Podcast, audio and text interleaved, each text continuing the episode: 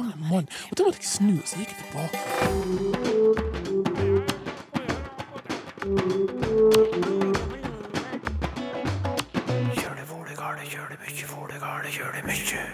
I dag kårer vi Norges vanskeligste uttrykk. Her er det rett og slett så utrolig mange varianter og så utrolig mange måter å ta feil på at eh, det trumfer eh, alt annet. Og mai er høytid for patos. I sang og i taler. Men hva er sang, Språkteigen. og hva er tale? Språkteigen. Vel møtt. I flere uker nå så har serien Hold tunga rett i munnen vært en fast post her i Språkteigen. En serie om faste uttrykk. I dag ender den serien med at vi gjør en uhøytidelig kåring av Norges aller vanskeligste uttrykk. Altså det uttrykket som flest sliter med å få helt rett. Det er lingvist Georg Kjøll som har plukka ut dette uttrykket. Skjære alle over én kam. Å skjære alle over en kam er Norges vanskeligste uttrykk, mener du, Georg. Det må du forklare. Ja, og det handler litt om hvilke kriterier man bruker for å, for å bedømme hva som er vanskelig og ikke. Men uh, her er det rett og slett så utrolig mange varianter og så utrolig mange måter å ta feil på at uh, det, det trumfer alt annet. Du kan snakke om å skjære alle over én kam, og det er vel fortsatt mest vanlig, men du har også variasjoner i eh, gre alle under samme kam, ta alle under samme kam, dra alle inn under samme kam, bli dratt over med samme kam, slå alle under samme kammen, ta alle under hver og en kam, plassere alle sammen under en kam, stryke over med samme kam, dømme alle under med samme kam, skjære alle, over, skjære alle over med samme skuff, eller til og med skyte noen eh, under samme kam. Så eh, dette er varianter som eh, som man kan finne både skriftlig og man kan høre muntlig innimellom. Og det er helt åpenbart at eh, her er det ingen som egentlig har helt peiling på hva som foregår. Da må vi rydde opp litt. Da må vi prøve å finne ut hvor kommer dette uttrykket fra. Ja, eh, Opprinnelig så handler det om eh, frisøryrket, eller det man kalte for hårskjærere tidligere. Så eh, du kan eh, gå, til en, eh, gå til en frisør i dag, og så bruker de barbermaskin eller eh, saks, men på et eller annet tidspunkt så har de brukt kniv.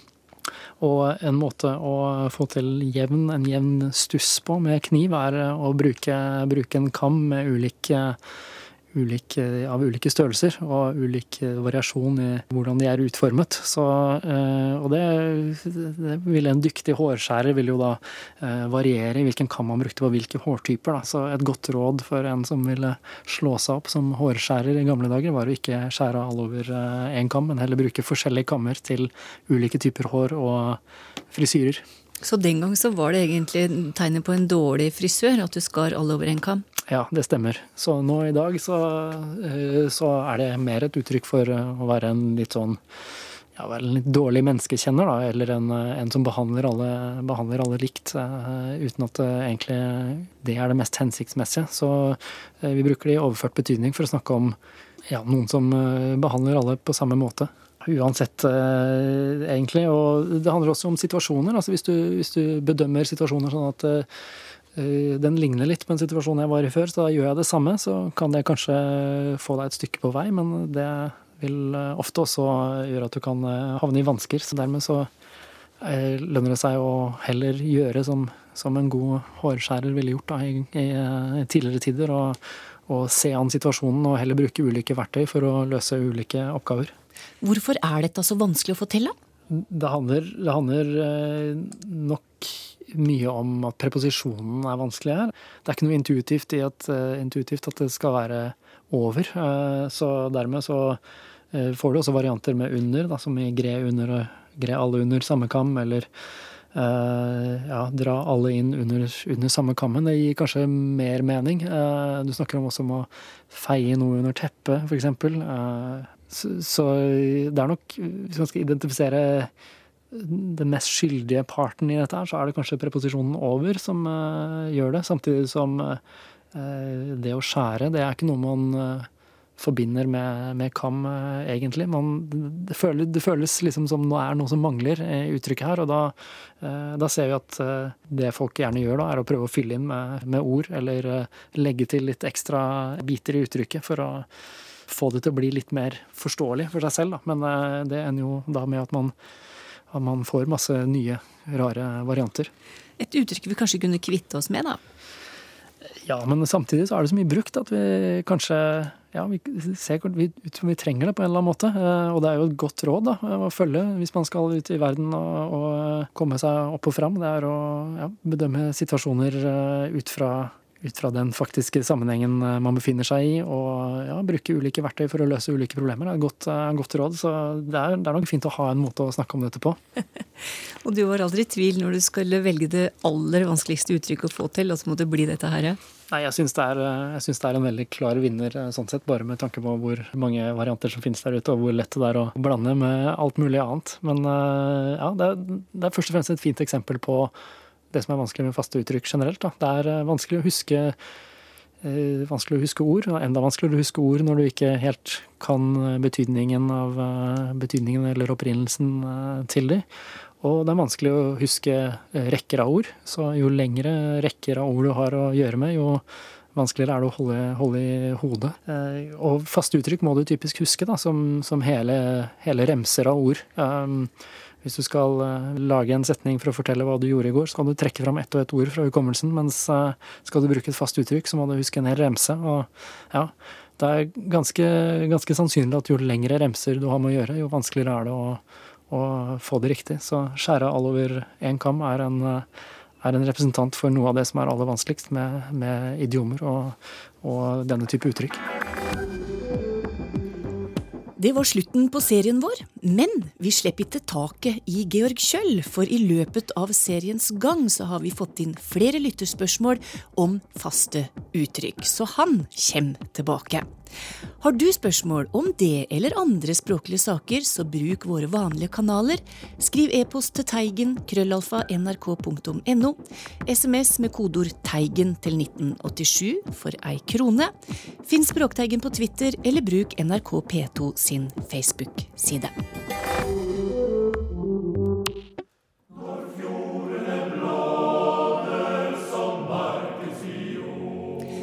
Vi er midt i mai, og med det inne i sjølve høytida for sang og taler.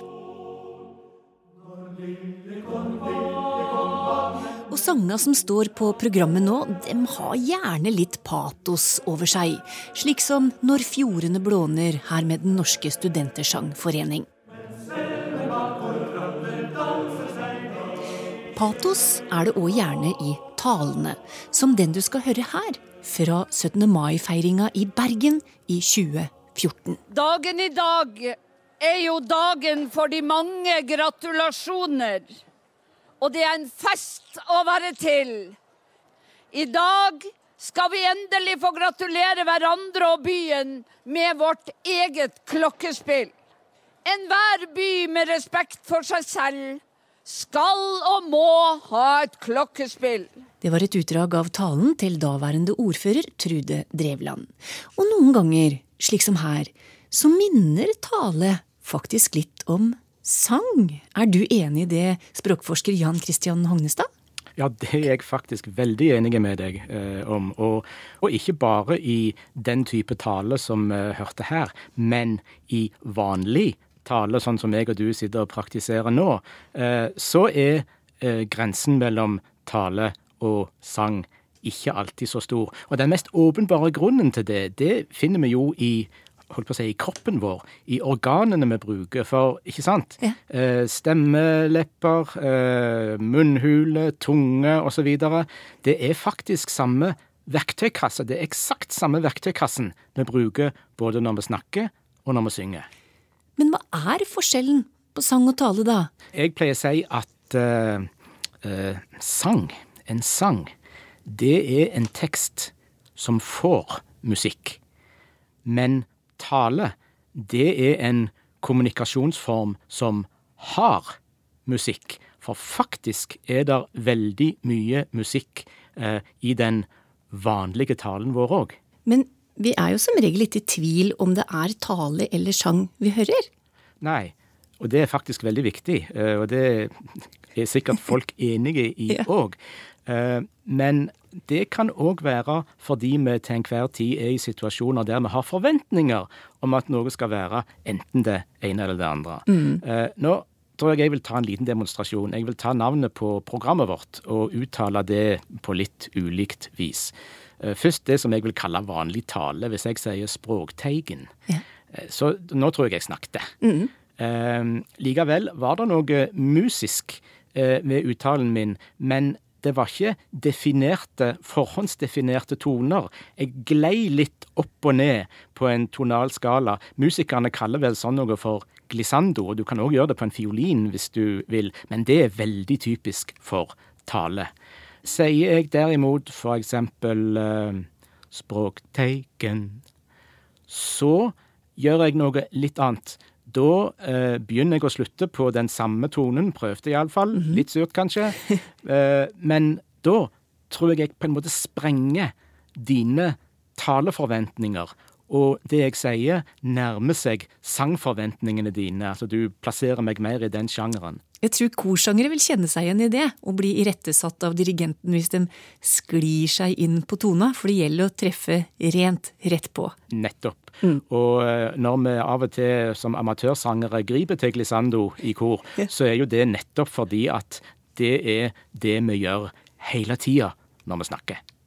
Men nå fikk jeg lyst til å spille et lite lydklipp, eh, hvis jeg får lov. Ja. Eh, og det er en person som sier kanskje en litt merkelig setning, men det er fordi at han er spilt inn av sånn språkforskningshensyn. Kan vi høre på den? Ja.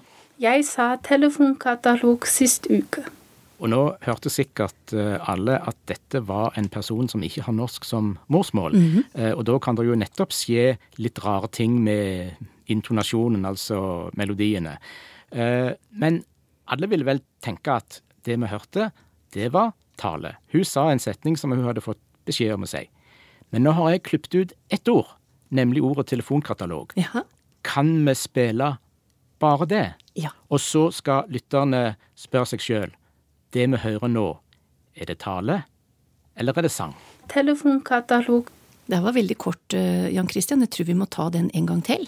telefonkatalog, Var det tale, eller var det sang? Ja, det var faktisk et litt vrient spørsmål, for det minner jo mer om sang. Ja. telefonkatalog, Eh, nå tror jeg at det nettopp har å gjøre med det vi snakka om tidligere. Fordi tilfeldigvis, og det tror jeg er en ren tilfeldighet, så treffer hun noen sånne enkelttoner. Eh, jeg tror til og med hun sier ordet i b-moll. Yes. Og da treffer hun toner som gjør at det lar seg identifisere som sang. Og nå har jeg lyst til at vi skal gjøre nesten det rareste av alt.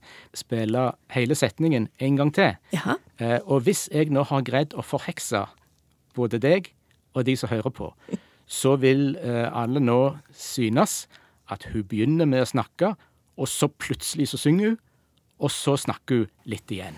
jeg sa telefonkatalog sist uke.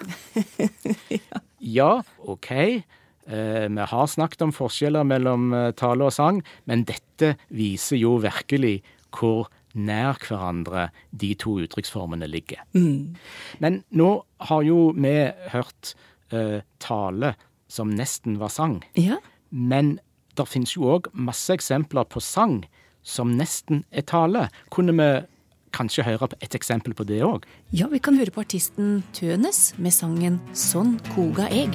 Pleier å ha logget på meg, da koker det opp mye fortere, mye fortere. Må ikke sette på det samtidig, du må sette på det mye før skal det bli ferdig. Nytter ikke å sette på det nå, nei, det kan du bare glemme, det kan du bare tømme ut. Det er ikke noe gode gryter det der, har du hatt salt i? Å ja, du gjør sånn, ja, det er forskjellige måter å koke på. Alle koker ikke likt. Jeg sa sang innledningsvis her, men jammen ble dette et tvilstilfelle. Ja, eh, og så spørs det hvor mye av det som er knyttet til gitarakkompagnementet og selve sjangeren. Han står på en scene, og da skal han, han med gitaren sin liksom synge.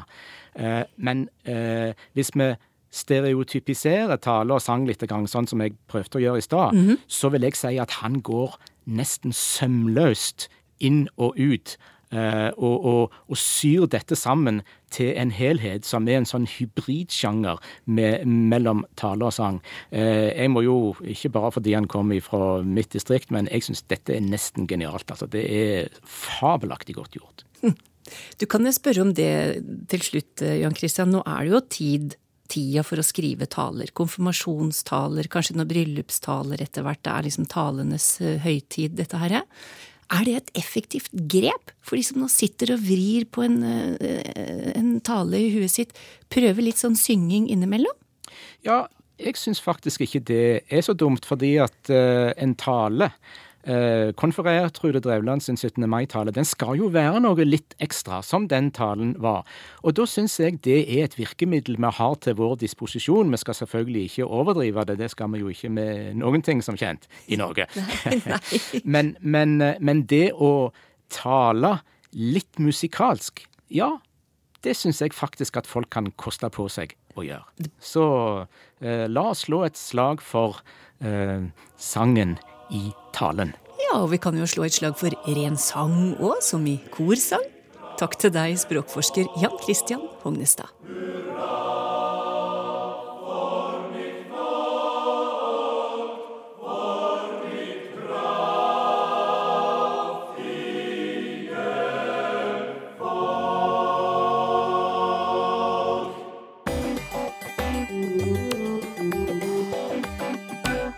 Varer på tilbud har satt tankene i sving hos Christian Solheim Jensen, som er førstemann ut med spørsmål til Toril Oppsal i dag.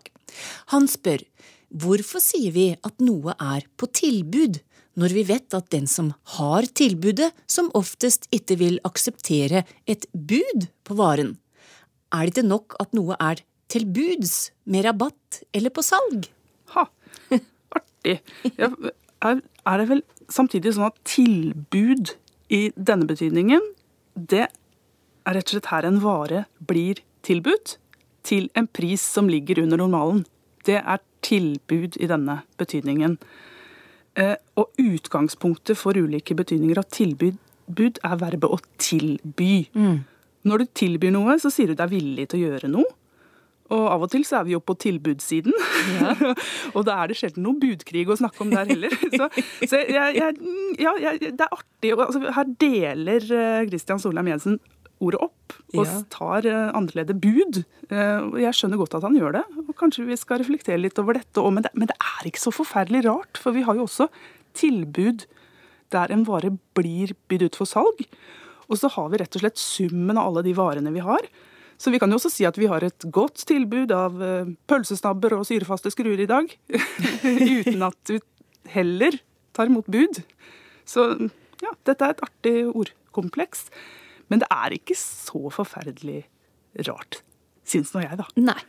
Men det er lov å prøve seg, kan vi ikke si det? Hvis noe er på Og tilbud. dette her, dette her er jo artig. Altså, her, kan vi, her kan vi more oss til det nesten uendelige hvis vi, hvis vi, hvis vi fortsetter. Men, eh, men det å tilby noe er ikke nødvendigvis slik at du forventer bud i retur. Vi skal til et tema som Språkteigen får mange henvendelser om, og som vi antageligvis har prata om før, men som vi kan ta opp igjen på nytt. Berit Rolandsen er ei av flere som spør. Hvor blir det av objektsformen dem? Den har gått ut av muntlig bruk, sier hun. Alle sier de nå, som i eksempelet jeg skal spørre de om det. Er dette en naturlig forandring eller en forenkling av språket, mon tru, spør Berit Rolandsen. Eh, Her må vi jo holde tunga litt rett i munnen, fordi de og dem, som henholdsvis subjekts- og objektsform, det er ikke normalen i muntlig språk. I dialektene våre så finnes det veldig mange varianter av de, de, dem, dem, dom, dom, døm, døm. Like former i subjekts- og objektsform. Og når vi skriver på nynorsk, er det også to like former. Deg og deg. Og det er i det normerte skriftspråket bokmål først og fremst at dette skillet eksisterer. Og i språkreglene til NRK, som eh, du forholder deg til hvis du leser nyheter f.eks., der anbefales det helt klart å opprettholde dette skillet mellom de og dem når man snakker normert bokmål. Og hvis vi skriver, og ønsker å skrive korrekt, så skal vi opprettholde dette skillet. Så, så spørsmålet avhenger litt av om dette dreier seg om tale eller skrift. Eh, Men det er flere lyttere som har undra seg på dette og skrevet inn også, fordi her ser det også ut til at folk reagerer på det muntlige. Ja. Og hvorfor gjør de det? Jo, fordi at her er det jo veldig mange talespråk som ligner på bokmålet. Og det er også folk som er vokst opp med talespråk som vanskelig kan kalles noe annet enn en talt østnorsk standard, eller noe som i hvert fall er veldig, veldig skriftspråk nært. Og når man hører dette her, så, så har man stilt inn, man har kalibrert. Og, og, og dette, ja, men dette minner jo veldig om skrift. Og da må det da være feil, må det ikke det? Hmm. Altså, så man, man har rett og slett en annen, man holder opp en annen norm enn den som kanskje er gjeldende for talespråket. Eh, Så man reagerer tydeligere på ting som skiller seg fra en regel i skriftspråket. Jeg tror det er mye det dette her handler om. Eh, Og er det en endring altså Opplevelsen er utvetydig der. Hva mener du med det? At folk opplever dette som en endring, og at det har blitt mer og mer av det. Og alle, nesten alle pronomenformene våre, de, de endrer seg i det at de i utgangspunktet så hadde vi jo også fire kasus. Mens nå har vi kun et skille mellom dette subjekts- og objektsnivået eh, når vi skriver. Så det er mange eh, dialekter som smelter sammen og begynner å ligne på hverandre, og de ligner mer og mer på noe som ligger nært et skriftspråk, mange av dem. Mm. Så, så hvis vi skal snakke om en ny norm, så er det raskt å oppleve dette som feil. Men i utgangspunktet er det ikke det. I store deler av variasjonen som ligger i talespråket vårt, så er det like former. Det er de og de, og det er dom og dom. Og dom som Åssen er det dette her? Dom som sier at dom er dumme, dom dom og dom. Helt riktig. Ja. um, men det er klart at det er også noe mange av disse som skriver inn, har oppdaga. Det er at det er jo historisk sett så er det også en vilje til å ville unngå noen former i noen sammenhenger. Eh, og jeg husker en tidligere kollega, Arne Torp, han skrev om dette her en gang, og han hadde også funnet et anbefaling. Lurer på om det var fra tidlig 1940-tall, at det er bedre å unngå et dem for mye enn en det motsatte. Eh, Så der lå det tydelig en føring om å bruke de. Akkurat. For det er særlig denne dem som subjekt som en del da ville motsette seg. Ragnhild Margaret Nordlund har en liten språklig utfordring til oss. Hun var i mange år besøksvenn i Røde Kors. Men hun fant aldri noe godt ord for den personen hun var besøksvenn for. Og i dag så er hun støttekontakt og har samme problem. Altså, hva skal vi kalle den personen som hun er støttekontakt for? Og da, Toril, da hviler det på deg. Har du noen gode forslag? Ja, Ragnhild eh, Nordlund har jo prøvd seg sjøl og, og, og prøvd, bedt om litt forslag eh, Ja. i Røde Kors-miljøet. Men, men det dukker ofte opp forslag som klient og pasient og alle de ordene som vi kommer på, de, de vitner om en, ja, et hierarki eller en ovenfra nedholdning og noe som ikke handler om en likeverdig relasjon. Eh, og, og det forstår jeg godt. Eh, altså, jeg opplever klient som nokså nøytralt sjøl, det må jeg si. Men det gjør ikke Ragnhild, og hun har erfaring fra disse relasjonene. Så jeg vil ikke anbefale klient. Eh, og jeg kommer altså ikke på noen gode er- alternativer. Det går an å skrive om og bygge ut fraser og snakke om noen som Kari, som jeg er støttekontakt for, eller Kjell, som jeg er besøksvennen til. Men det blir litt tungvint. Eh, og vi kan jo vurdere å kalle dem Kari og Kjell, selvfølgelig. Men hva gjør du da i de tilfellene du må spesifisere?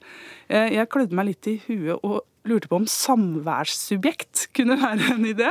Men, men, men det blei jo nesten verre er jo mer jeg tenkte på det. Ja, det er ingen som vil være et subjekt, Det er ingen som vil være det. Nei. Eh, Men man vil jo i hvert fall ikke være et objekt. Eh, Så her er det Det er komplisert, men, men, men samtidig så ser jeg ikke helt for meg hvilke situasjoner der man ikke har tid og plass til å bygge ut med Kjell som jeg er besøksvennen til. Men, eh, men det hadde vært deilig å ha et ord, altså. Så her lurer jeg på om vi rett og slett må kaste ballen ut til våre kreative lyttere. Ja, kreativitet er gøy. Ja. Kom igjen. Likeverdig besøksvennsbegrep. Takk. Men da, kort og greit, kan vi si standmålet, spør Bjørn Einar Strandberg. Energiselskapet Hass skriver følgende på nettsidene sine. Ingen av dine registrerte målere er standmålte og har dermed ingen avlesninger. Kan vi si standmålet, Toril? Ja, vi kan jo åpenbart det, siden vi, vi nå har, har et konkret eksempel her. Men, men jeg har ikke funnet noen eksempler som ikke nettopp er i henvendelse fra eh, nettselskaper, energiselskaper osv. Eh, så det er i samband med tekster i denne konteksten at ordet fins. Og, og da kan vi jo si at dette her er et fagbegrep, kanskje? Med en spesifikk betydning som man må lære seg, og da kan man like det eller ikke like det. Men, men nå var vel Bjørn Einar Strandberg han var skeptisk, for at det sa seg ikke sjøl hva dette her var for noe. Nei, Eh, for det ja. han forklarer det med, er at han har forstått nå at det skal bety manuell måling på gitte tidspunkt. Ja. Altså, vi, jeg gjør det til mitt nettselskap hvert kvartal. Nei, hver måned, faktisk. Ja. Eh, og dette er i stedet for automatisk tidsmåling. Ja, for jeg driver også med å avlese målestanden, Ja. som det står. Mm. Men jeg lurer på om den nå også skal bli automatisk, så kanskje vi er kvitt hele, hele utfordringen? Eller var det et problem? Det har vi snakka om en annen gang, har vi ikke det? Jo. Eh, Og jeg er litt ja, jeg er litt usikker her, for, eh, for Bjørn Einar Strandberg er inne på et viktig poeng. At når du henvender deg til allmennheten, så bør du bruke ord og vendinger som blir forstått. Samtidig så må vi jo av og til også sette oss ned og ja, lære oss spesifikke betydninger og ord som er knytta til noe teknisk eller annerledes. Men at dette her skulle være så forferdelig ja, faglig spesifikt, det er jeg kanskje ikke helt enig i. Men vi har jo nå fått lov å reflektere og samtale omkring en liten tekst. Og det tror jeg er nøkkelen til at vi får bedre tekster, og at vi også lærer oss nye ord. Men jeg vil ikke stemme på standmålt som eh, årets ord. Så, så langt vil jeg strekke meg. Ok, Standmort blir ikke årets ord, kandidat fra Toril Oppsal i alle fall. Det var det vi rakk det. Språkteigen er slutt, men vi høres vel. Ha det bra.